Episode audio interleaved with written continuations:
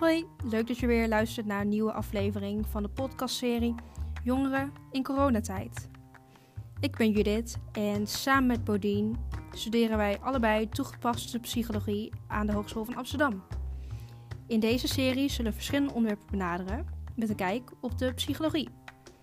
En hiermee willen wij jullie dus motiveren en inspireren om aan de maatregelen te kunnen houden als jongeren in coronatijd.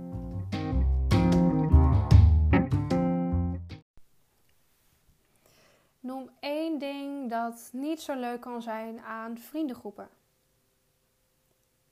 Ik wacht vijf seconden. Ik heb in ieder geval één ding. En als je daar even lang over moest nadenken, heb ik al wel een van de antwoorden voor je. Een van de vele mogelijke antwoorden. Dat is groepsdruk. Nu denk je vast van, oh ja, groepsdruk is niet altijd zo leuk. Groepsdruk komt niet per se altijd in vriendengroep voor. Het is een verschillende soorten en maten. Groepsdruk kan bijvoorbeeld uh, bij, je, bij, je, bij je sportclub zijn. Of ja, ik bedoel, je sportvereniging, bijvoorbeeld je hockeyvereniging, je voetbalvereniging. Maar ook bijvoorbeeld op werk. Uh, vanuit je collega's, uh, noem maar op. Je hebt nu vast wel een beeld, denk ik, van wat ik bedoel. En groepsdruk kan, kan positief uitpakken, maar ook weer negatief. En aan jou de vraag eigenlijk: heb jij ooit groepsdruk meegemaakt? Zo ja. Hoe voelde je daar eigenlijk dan bij? Hoe, hoe voelde je eigenlijk het moment dat je, dat je besefte van hé, hey, dit is eigenlijk niet zo fijn. En dit is eigenlijk groepstuk waar uh, wat ik zie. Ja, vanuit mijn ervaring vind ik het toch wel. Voel ik me toch wel ontzettend oncomfortabel bij als ik merk dat, dat vrienden mij bijvoorbeeld pushen in een, vrienden, vriendengroep. En nou, vooral als echt toen ik nog heel jong was, toen durfde ik niet altijd nee te zeggen. En ik snap wel toe wel dat het lastig is. Want je, de, ja, de, de meningen van je vrienden vind je op een bepaalde leeftijd, bijvoorbeeld jongere leeftijd, vind je wel ontzettend belangrijk. Soms luister je zelfs meer naar je vrienden dan naar je ouders. En dat kan ik heel goed begrijpen vanuit dat perspectief. En groepsdruk komt dus in het, ook in het algemeen voor. En bijvoorbeeld ook in de tijden van corona, zoals nu. Dat bijvoorbeeld uh, je vrienden je pushen om gewoon af te spreken. Ondanks bijvoorbeeld toen dan de, de maatregel dat je met maximaal drie personen uh, samen mag komen. Of dat ze de anderhalf meter, anderhalf meter maatregel overschrijden. En je eigenlijk daar totaal niet oncomfortabel bij voelt. Dat zijn ook uh, momenten dat er groepstuk plaats kan, vinden. In tijden van corona. En daar ga ik het vandaag met je erover hebben. Ik ga vandaag uh, kort bespreken de theorie. De theorie achter de, achter de groepsdruk. En ja, wat is groepsdruk dus eigenlijk precies? En waar zie je dat weer terug? En als ik groepsdruk ooit meemaak, uh, hoe, kan ik, ja, hoe kan ik dat eigenlijk bestrijden, als het ware? Hoe kan ik daar tegenin gaan? Daar ga ik je kort, straks kort, wat kort over vertellen. En daarnaast uh, gaan, we gaan we ook een paar opdrachtjes uitvoeren. Opdrachtjes, nou, in ieder geval één opdracht over de theorie.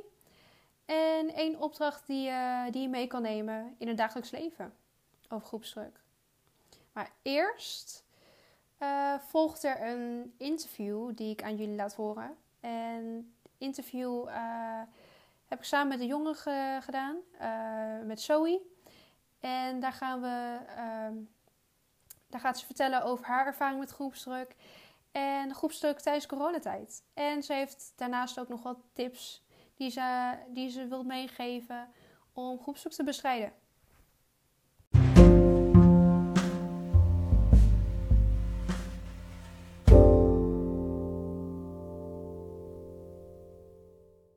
Hey, fijn dat je er bent.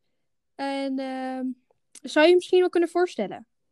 Ja, Tuurlijk, ik ben uh, Zoe Vos, ik ben 18 jaar. Uh, ik studeer toegepaste psychologie en ik woon in Amsterdam. Nou, hey Zoe, uh, fijn dat je er bent en uh, fijn dat je even tijd voor hebt genomen voor dit interview. En um, nou ja, vooral in deze tijden met corona um, ja, is het lastig om af te spreken, et cetera, want door de maatregelen en zo. Ja. En ja, af en toe zie je dan bijvoorbeeld in het nieuws of zo, et cetera, dat er, dat er jongeren zijn die toch met elkaar gaan afspreken. En daar kunnen verschillende factoren aan hangen eigenlijk. En uh, een daarvan is bijvoorbeeld groepsdruk. Dat kan ook af en toe uh, voorkomen natuurlijk. En heb jij dat wel eens ervaren in een groep?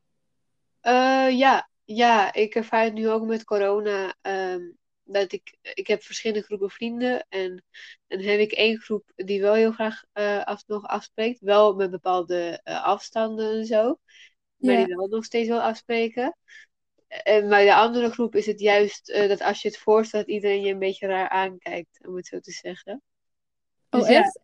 Ja, ja, dus dan is het echt een beetje afhankelijk van de druk. Want, want ze kunnen natuurlijk ook nee zeggen, maar je, hoort, je krijgt meteen zo'n reactie waarvan je merkt dat ze het eigenlijk heel raar van je vinden dat je het voorstelt. Ja, precies. En hoe voel je daar dan bij als ze dan, als bijvoorbeeld jou raar aankijken of jou, jou ja, jou als, vreemd, als, als een vreemd persoon dan zien, als je dat dan voorstelt? Ja, ik vind het wel vervelend, want ik denk dat zij mij wel beter kennen dan dat. En dat zij weten dat zij prima gewoon nee kunnen zeggen op een normale manier. Ja. En ik dacht dat, ja, dat zij een mening over mij gevormd hadden, gebaseerd op onze vroegere ervaringen. Niet per se op een voorstel wat ik maak, wat misschien niet zo handig is, maar wat uiteindelijk wel echt een eenmalige gebeurtenis is. Ja, precies. Dat ze je dan gelijk zeg maar, daarop oordelen in plaats van wie jij gewoon eigenlijk bent. Juist.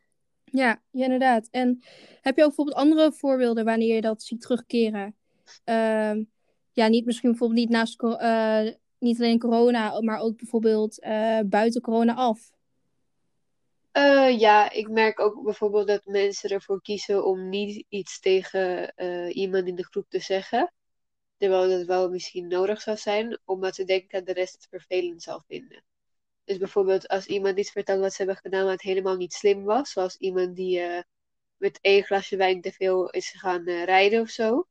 Ja. De meeste van ons willen wel tegen diegene zeggen, ja nou dat moet je dus niet meer doen. Maar ik merk wel in hun gezichten dat ze het of met heel veel moeite zeggen, of niet zeggen omdat ze bang zijn dat de rest um, het verkeerd gaat opvatten. Terwijl het waarschijnlijk niet eens zo is, maar dat denken ze dan wel. Ja, ja, precies het is dan toch wel het soort angst wat je dan hebt, dan lijkt me. Om dat dan, uh, ja, om dat dan bijvoorbeeld aan een groep te vertellen.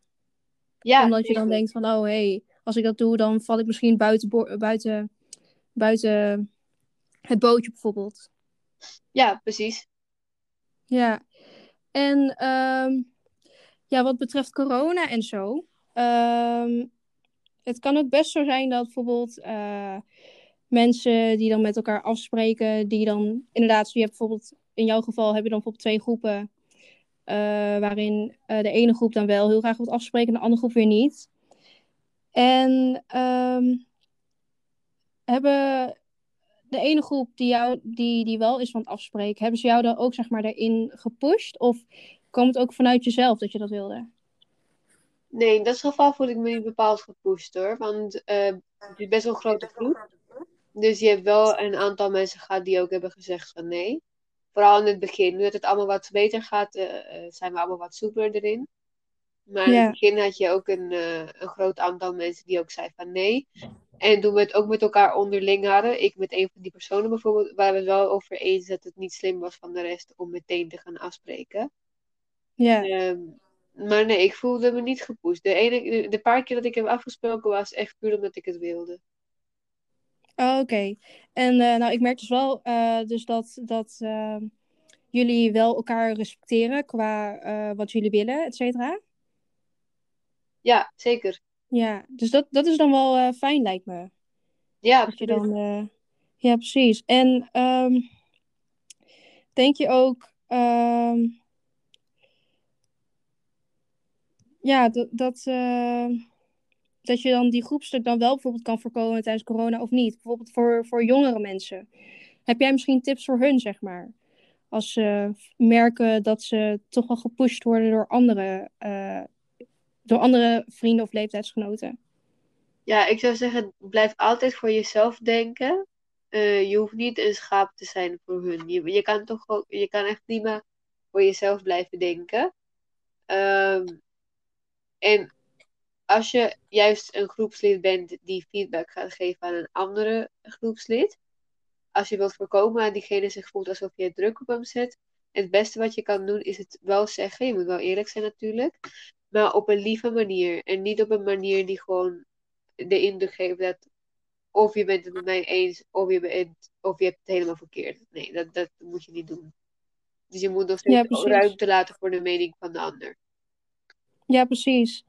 En uh, als bijvoorbeeld, uh, stel je voor, wat als uh, degene tegen wie het zegt, um, bijvoorbeeld de meerderheid van de groep, die gaat dan zeg maar tekeer en die pushen jou nog meer. Wat zou jij dan doen? Um, nou, ik denk dat het handigste is om dat, om dat te doen, is um, gewoon te laten weten van, yo, chill, dit hoeft niet. Ik ga zelf wel bepalen wat ik doe. Maar het is natuurlijk wel makkelijker gezegd dan gedaan. Um, omdat ik mezelf ken, ik zou dat wel best duidelijk willen zeggen tegen ze. Maar er is ook een grote kans dat, ik gewoon een beetje afstand neem. Dat ik eventjes uh, een paar uur niet op de appjes beantwoord en zo. En daarna pas later kom met iets. Dat, dat doe ik ook wel vaker. Oh ja. Nou, vooral in deze tijd is het inderdaad wel gewoon wat makkelijker. Vooral omdat je elkaar dan minder vaak ziet natuurlijk. En je bent heel vaak aan het appen dan. Vaker aan het appen dan dat je afspreekt, lijkt me. Ja. Dus uh, dat is inderdaad wel een goede tip. Ja, het werkt ja, goed. En het, uh, weet je, het klinkt een beetje uh, suf misschien. Maar als je het doet, voelt het voor jou ook fijn. Want dan heb je ook een paar uur de tijd om na te denken over hoe je werkelijk wilt antwoorden. En tegelijkertijd ook om aan iets anders te denken. Ja, ja precies. En uh, uh, wanneer het komt op groepsindruk, uh, dit is trouwens weer de laatste vraag. Ja? Uh, hoe kan je dat dan bijvoorbeeld toepassen in de, in de anderhalf meter? Want, um, nou ja, sinds 1 juni zijn de maatregelen weer natuurlijk versoepeld. Want je kan natuurlijk weer in grote groepen afspreken. Maar de anderhalf meter geldt natuurlijk nog steeds. Ja. En um, stel je voor, hoe zou je, hoe zou je dat aan kunnen pakken? In, je, in bijvoorbeeld in je groep of bijvoorbeeld, ja, uh, ja, je vriendengroep bijvoorbeeld, of op werk of whatever, in je familie bijvoorbeeld. Hoe zou je dat dan, uh, ja, hoe zou je ze daarop aanspreken als, als, als hun mening toch over, op verschilt? Nou, ik denk, ik denk dat het best wel moeilijk kan zijn, want ik moet wel zelf toegeven uit mijn laatste ervaringen toen ik met vrienden afspreek, is het zo dat je aan het begin van de avond, om het zo te zeggen, wel nog allemaal een beetje die afstand houdt. Maar daarna, hoe, hoe langer de tijd je met elkaar bent, vergeet je dat. En dan uiteindelijk, voor je, als je het beseft, heb je het alweer gedaan. En als je eenmaal merkt dat je het al hebt gedaan, ben je van, oh, nou, dan ga ik er wel minder op letten, want het is toch al gedaan. Um, dus ik denk dat het belangrijk is om sowieso een plek uit te kiezen waar je die kans krijgt. Want als je het binnen doet ergens, in een krappe plek krijg je geen eens de kans om dat te doen. Dan wordt het echt heel lastig. Moet je constant opletten. Het beste is als je een plek uitkiest. Um, waarin je, zonder dat je het beseft, wel die afstand kan houden. Want als je steeds zelf moet blijven opletten dat je die afstand houdt, dan gaat het niet lukken. Maar als het gewoon onbewust kan, zoals spuiten of zo, dan, dan kan het prima. En als je iemand wilt afspreken erop, um, ja, dat kan. Je kan ook ervoor kiezen om zelf een stapje naar achter te doen. En de meeste mensen die ik heb gezien, wanneer ze zien dat jij een stapje naar achter doet, doen ze dat ook. Het is een soort van uh, stil, uh, stille cue om te laten zien van, oh oh, dit is een beetje oh, dichtbij. Dus ik, wat ik dan altijd doe, is zelf een stapje naar achter doen. De rest merkt het ook. Die zeggen helemaal niks, maar ze doen rustig een stap naar achter. En het is helemaal klaar. Ja, precies. Dus uh, als, ik het, als ik goed begrijp, is eigenlijk gewoon, je neemt de verantwoordelijkheid op jezelf dan. Ja, en, en ik weet niet, ik vind non-verbale cues gewoon beter werken in dit geval. Want ik vind het zelf een beetje moeilijk om te verwoorden. Uh, hey, uh, ga een beetje naar achter of zo, zodat het een beetje raar klinkt.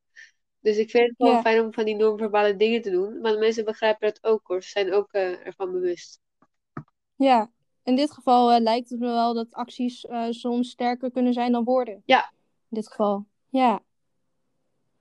Oké, nou, uh, Zoe, echt uh, super veel bedankt voor je tijd en, uh, en de moeite natuurlijk. Heel graag gedaan. We hadden zojuist naar het interview geluisterd tussen Zoe en ik. En over haar ervaringen. En nu heb ik aan jou de vraag. Ehm, wat heb jij mee eigenlijk meegemaakt met groepsdruk? Hoe voelde jij toen je merkte dat vrienden je begonnen te pushen om iets te doen? Wat heb je eigenlijk aan gedaan? Heb je ook de tips gebruikt die Zoe in de interview aangaf? En wat zijn, wat zijn jouw ervaringen daar eigenlijk mee? Je vraagt je nu vast af van, wat zit er eigenlijk achter die groepsdruk? En hoe ontstaat groepsdruk eigenlijk? Nou, uh, ik zal je de theorie erachter vertellen. Het heeft allemaal te maken met uh, sociale rollen normen, het Ash-effect waar ik het over ga hebben, conformisme en ik geef je aan het einde ook nog tips.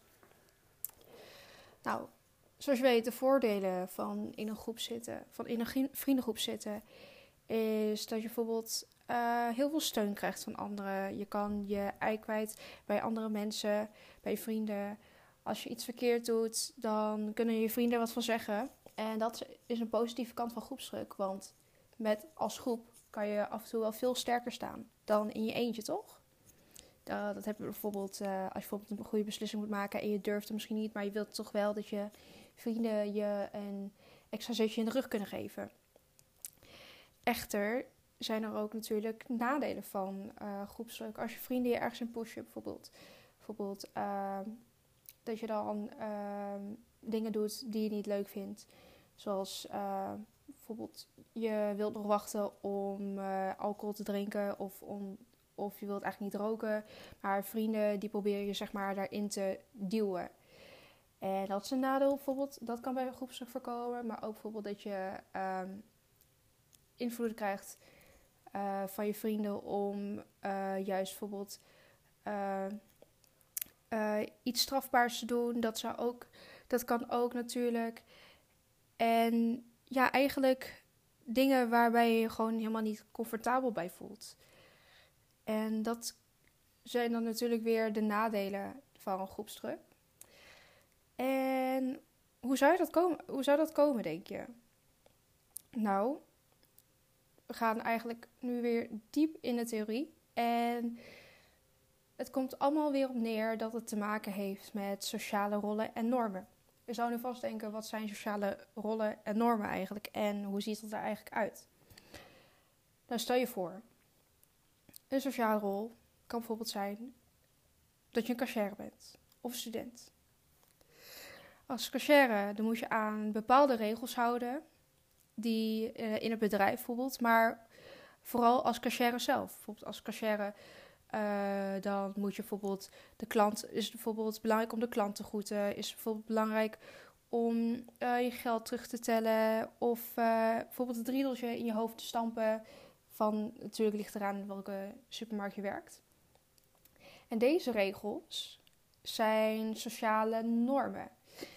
En waarom sociale normen zijn? Nou, het woordje sociaal heeft vooral te maken met de groep waarin je zit. Dus eigenlijk, sociale normen zijn eigenlijk normen die je bijvoorbeeld in een groep hebt. Het kan bijvoorbeeld op werk zijn, het kan op school zijn, maar het kan bijvoorbeeld ook in je vriendengroep zijn. En als student, ik neem het voorbeeld van student. Als student, uh, nou ja, dat is sociale rol. En sociale normen van student zijn op tijd komen, je, je bijvoorbeeld naar een hoorcollege gaan, je, je, ja, je opdrachten voor de deadline af hebben. Dat zijn allemaal sociale normen waar de student aan moet voldoen. Ook heb je ook ongeschreven regels, dus ongeschreven sociale normen. Bijvoorbeeld in Nederland heb je geef je drie zoenen op de wang als je iemand wilt groeten. In mijn cultuur, in de Molukse cultuur, spreek ik in ieder geval ouderen aan met u. Dat is een sociale norm, een ongeschreven norm in dit geval. Bijvoorbeeld, of je zit op school en dan leer je daar bijvoorbeeld dat je stil zijn en moet luisteren als je docent praat. Ook een grappig dingetje, uh, misschien heb je het vast ook al heel vaak meegemaakt. Als je in de lift zit dan kijk je bijvoorbeeld niet naar degene die ook in een lift zit, maar dat je bijvoorbeeld ergens anders kijkt, stil bent. Dat is best grappig, want zonder dat je het weet, is het ook een sociale norm. Het is een, in ieder geval een ongeschreven norm, maar je, je krijgt die norm, zeg maar, door je aan te passen aan de omgeving zelf. Vandaar dat je dan af en toe stil bent in de lift en bijvoorbeeld mensen niet aankijkt en niks zegt. En wat je bijvoorbeeld op school hebt, of bijvoorbeeld in de vriendengroepen. Uh, daar heb je ook ongeschreven regel. Bijvoorbeeld, je, mensen volgen de, volgen de nieuwste modetrends. En als je daar net weer buiten valt, ja, dan, dan ben je een. Ja, dan ben je. Dan ben je gek iemand. Ja, dan, dan hoor je eigenlijk niet bij de groep. Dat zijn weer ongeschreven regels. En ik ga je wat leuks vertellen over het Ash effect. Dat heel erg te maken heeft met de sociale normen binnen een groep en het aanpassen binnen een groep. Het Ash effect was een experiment van zeven personen. Er was één vrijwilliger die meedeed en de andere zes personen die waren dus ja, acteurs, actrices eigenlijk. Tijdens het experiment kregen ze verschillende opdrachten voor zich. En bij elke opdracht hadden de andere deelnemers, dus de zes acteurs, actrices, hadden een ander antwoord dan de vrijwilliger zelf.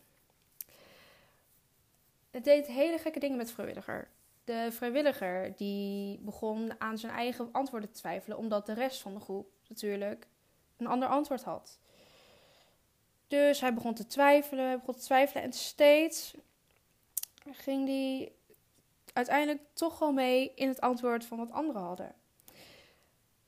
En je hebt het misschien ook al meegemaakt. Dat je dan bijvoorbeeld, uh, dat je bijvoorbeeld een quiz uh, maakt in je, uh, in je klas. En je ziet dat je vrienden dan een totaal ander antwoord hebt. En je, en je bent als enige met een, met, een verschil, ja, met een ander antwoord die vrienden niet hebben. En dan denk je bij jezelf: klopt het eigenlijk dan wat ik, wat ik wel heb? En onbewust ga je dan toch wel mee met de meerderheid van de groep. En dat liet het Ash-effect dus zien. Wat het eigenlijk met je doet als je in een groep zit. En het stukje waar die zich aanpast aan de groep, dat heet conformisme. En conformisme is eigenlijk de neiging hebben om je meningen, je, je visie, uh, ja, dat, dat, dat, uh, dat, zo, dat aan passen aan, uh, aan je groep. Dus eigenlijk dat je meningen opvatten, dat je je mening opvatten zal, ja, in principe verandert aan de, groep, aan de groep waarin je zit. En Wanneer kan dat, ja, wanneer kan dat conformisme, dus dat aanpassen aan de groep, je, je meningen, zo, je attitudes aanpassen aan de groep? Hoe kan dat bevorderd, worden?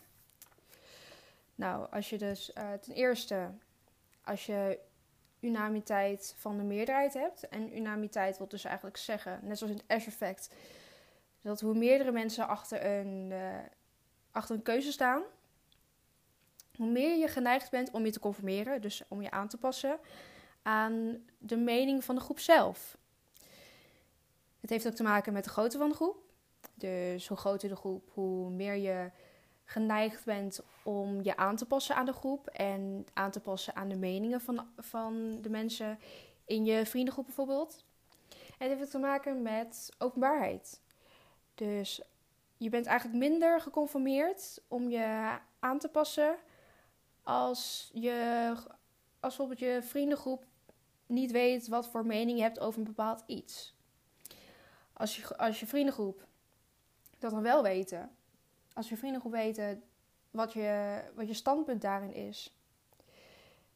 En uh, het makkelijker is om blootgesteld, om, om je mening bloot te, te laten stellen, dan kan het ook een negatief effect hebben.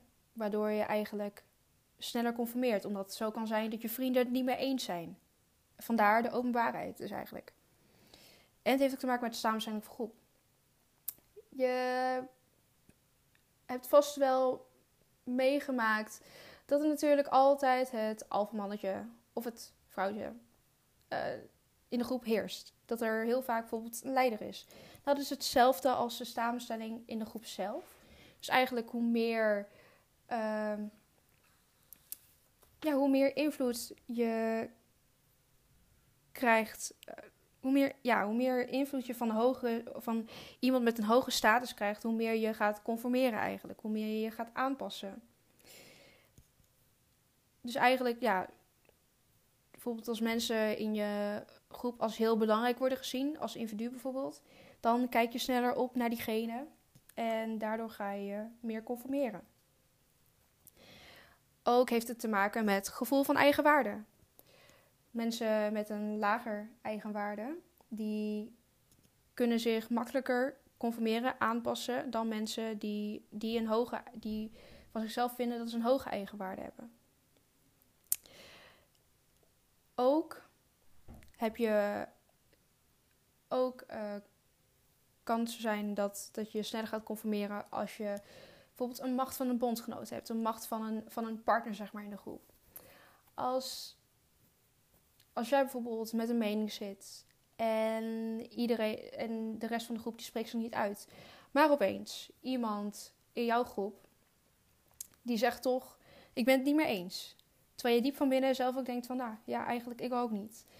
Dan heb je meer, dan heb je sneller de neiging om toch weer te conformeren aan degene, aan degene die dus daar ook niet mee eens is. En daarom is het zo belangrijk om juist, om juist je, om juist je open te stellen aan discussies in je groep, zodat je, zodat iedereen toch wel uiteindelijk wel dat, dat plekje zeg maar, in de groep kan vinden. En het mee eens kan zijn en hun eigen mening kan uiten. Vandaar dat het zo belangrijk is. En het S-effect, uh, dat bij het S-effect conformeren mensen zich vanwege de normatieve invloeden. En normatieve invloeden, dat wil dus zeggen dat je dan sneller de neiging hebt om geaccepteerd te willen worden, goedgekeurd te willen worden. Dus eigenlijk wat precies bij het Ash-effect is gebeurd bij het experiment. Dat je dan je mening gaat aanpassen aan de groep, zodat je je sneller geaccepteerd voelt. En ook heeft het te maken met informationele invloeden. En dat is, het, dat is, dat is dus eigenlijk dat je correct wilt zijn en uh, in de groep op de juiste manier wilt handelen. En dan kom ik bij de tips. Nou, hoe kan je groepsdruk... Ja, hoe kan je, hoe kan je groepsdruk bestrijden? Hoe kan je groepsdruk tegengaan? Nou, ten eerste, geef je grens aan. Ten tweede, um, als je bijvoorbeeld het moment uh, dat, je, dat, je, dat, dat, ze, dat je groep iets aan je vraagt, zeg bijvoorbeeld tegen hun: Ik heb even tijd nodig om na te denken.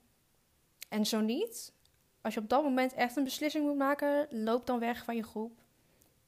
Zodat je dan niet makkelijk kan overgeven aan de groepstuk zelf, aan je groep zelf. En praat met een van je vrienden hierover als je het lastig hebt. Vraag om hulp. En tenminste, aan tenminste iemand die je vertrouwt daarin. Waar je je zorgen kwijt over kan.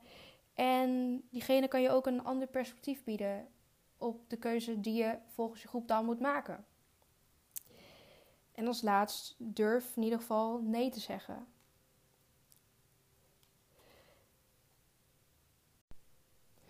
Zojuist hebben we het dus gehad over de theorie. En om het weer kort samen te vatten, jullie hadden de voordelen en nadruk, uh, nadelen van groepsdruk, hebben jullie uh, gehoord. Daarnaast sociale rollen en normen en de ongeschreven regels daarvan. Ook het Ash-effect en het experiment erachter. Daarnaast ook het conformisme. En dat conformisme dus eigenlijk heel veel invloed heeft. Uh, heel, een grote rol speelt in het Ash-effect bijvoorbeeld. En ook over wanneer dat conformisme bijvoorbeeld kan worden. De factoren daarvan. En als laatste had ik jullie ook tips gegeven hoe je groepsdruk tegen kan gaan. Maar eerst, nou voor nu ga ik jullie kort uh, testen over de theorie die jullie net hebben gehad door middel van een quiz. Nummer 1. Wat gebeurde bij de vrijwilliger in het experiment van het Ash-effect? A. Hij werd gepest. B. Hij ging mee met de groep. Of C. Hij ging tegen de groep in. Ik zal het nog een keer herhalen. A. De vrijwilliger werd gepest. B. Hij ging mee met de groep. Of C. De vrijwilliger ging tegen de groep in. Ik geef jullie 10 seconden ongeveer.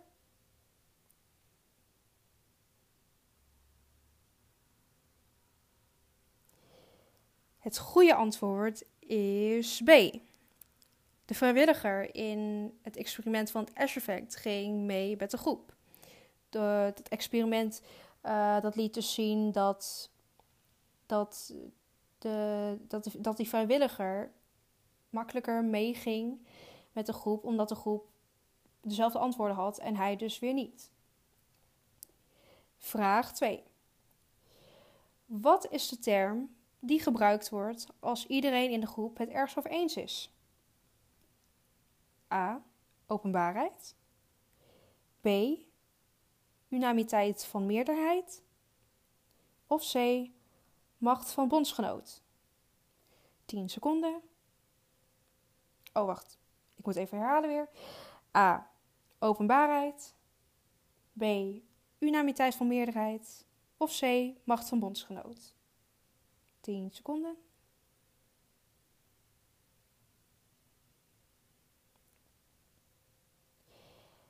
En het goede antwoord bij deze vraag is unamiteit van meerderheid. Dus eigenlijk hoe meer, uh, hoe meer vrienden in je vriendengroep het met iets over eens zijn, ben je makkelijker te beïnvloeden en word je ook makkelijker geconformeerd naar de mening van je vriendengroep. Dus dan ga je ook hetzelfde denken als je vriendengroep. Je gaat er in ieder geval makkelijker in mee. En dan komen we bij vraag 3. Als je gaat conformeren om geaccepteerd te worden, dan komt dat door A. de informationele invloed of B. normatieve invloed. A. informationele invloed of B. normatieve invloed.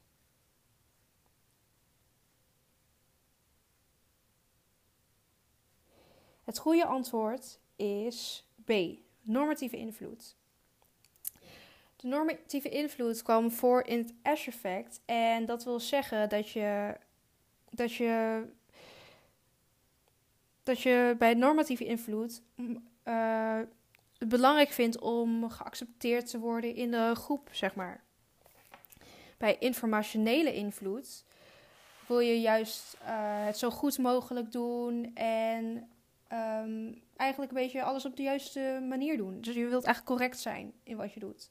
En wat de juiste manier van begrijpen is. Uh, wat de juiste manier van handelen is in bepaalde situaties. En nogmaals, normatieve invloed. Um, dat is dus eigenlijk wanneer je goedgekeurd wilt worden, geaccepteerd wilt worden, aardig gevonden wilt worden in een groep. Dat is dus normatieve invloed. En dan komen we bij de laatste vraag. Nummer 4. Wat is conformisme? A. Je van de groep afzonderen. B. De neiging om de mening van je vriendengroep over te nemen. Of C. Jezelf opzetten als vijand tegen je vriendengroep. Zal ik nog een keer herhalen? Wat is conformisme? A. Je van de vriendengroep afzonderen. B. De neiging om de mening van je vriendengroep over te nemen. Of C. Jezelf opzetten als vijand tegen je vriendengroep.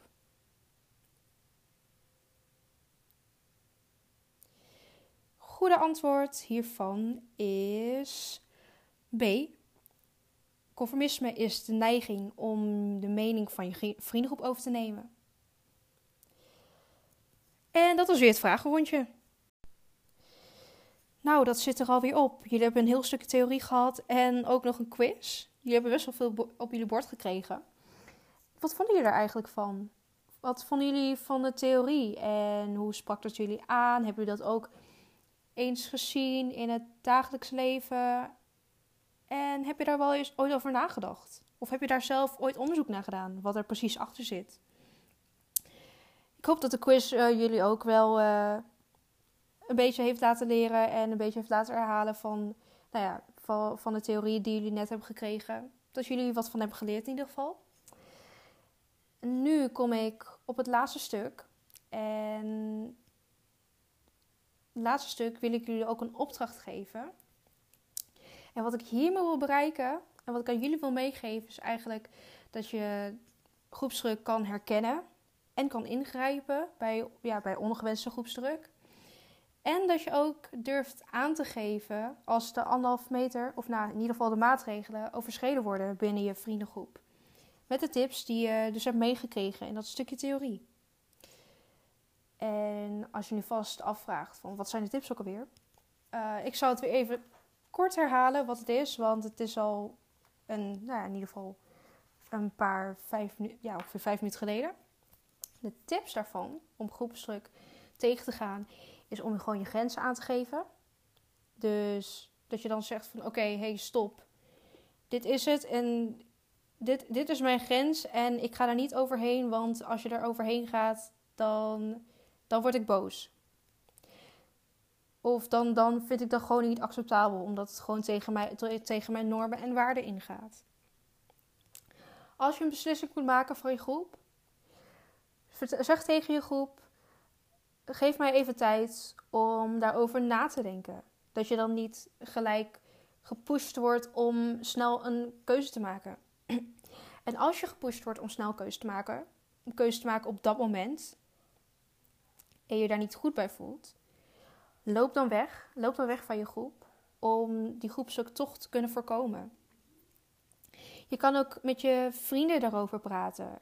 Uh, als er groepstuk uh, plaatsvindt in je vriendengroep. En bijvoorbeeld dat je er praat met een vriend in jouw vriendengroep die je gewoon heel erg vertrouwt. En je gevoelens daar dan uit over bepaalde, bepaalde situatie. Durf ook nee te zeggen. Eigenlijk als je nee zegt, geef je ook je grens aan. En kunnen je vrienden daar ook makkelijker, daar ook makkelijker bij aanpassen. Die weten dan gelijk van, oh, oké, dat vindt ze niet leuk. Dus dat moeten respecteren.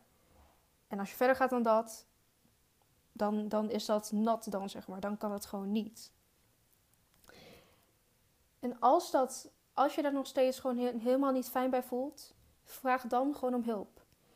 Van, van vrienden, van vrienden die buiten de groep staan. Of van familie.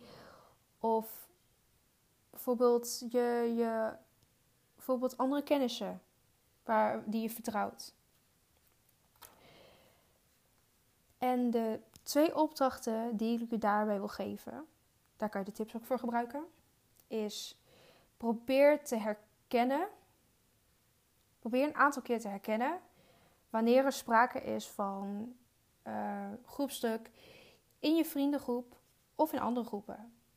En wat je dan kan doen is let, tijdens, let bijvoorbeeld tijdens het afspreken af. Of eh, op, let, let op tijdens het afspreken wanneer een groepstuk plaatsvindt en hoe je dat terug ziet komen. Tel dat uh, een aantal keer op in je hoofd of op papier. Zou ook kunnen. Maar misschien is in je hoofd wat makkelijker. Want je gaat niet, denk ik, met een papiertje daar zitten en dat dan opschrijven. Of dat dan turven in ieder geval. Probeer dan ook voor jezelf te herkennen wat de reden ervan is. Als jij ooit negatieve groepstuk ervaart, durf dan de tips die ik je net heb gegeven te gebruiken. En dan heb ik nog een tweede opdracht voor jullie om mee te nemen. Zodat jullie mee kunnen nemen. Wat jullie mee kunnen nemen bedoel ik. Grijp in door de tips die gegeven zijn om ons ongewenste groepstuk te voorkomen. Dus kom ik weer terug op de tips. En wat houdt het in? zeg er iets van als je merkt dat je vrienden zich niet aan de maatregelen houden. En vooral in uh, ja, deze tijd dat corona zeg maar in ons midden is, dat je dan dat je bijvoorbeeld een boete kan krijgen door, door de BOA bijvoorbeeld. En dat willen we niet hebben. Dat, dat wil niemand hebben eigenlijk. En ja, zeg er iets van als je merkt uh, dat je vrienden de maatregelen overschrijden. Ik bedoel, dan weet dan zijn je vrienden weer geïnformeerd. En ja, dan kunnen jullie geen boete krijgen in ieder geval. En probeer, ja, probeer, dus, probeer dan ook een gesprek met hen aan te knopen waarom je eraan zou moeten houden. Door over de gevolgen gaan praten. Zo kunnen je vrienden dus daar ook. ehm, zo kunnen je vrienden zich ook beseffen van hé, hey, als we dat niet doen, dan krijg je bijvoorbeeld dit gevolg, dat gevolg. En met de, met de tips die je dan kan gebruiken om groepsdruk tegen te gaan, is het makkelijker om je, om je mening eh, erop uit- om je mening te geven aan je vrienden.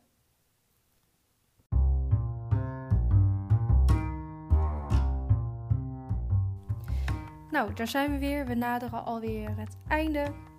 En jullie hebben best veel meegekregen. Het was vast een lange zit. Is het ook wel. Al bijna 40 minuten ongeveer. Maar wat we de, in de.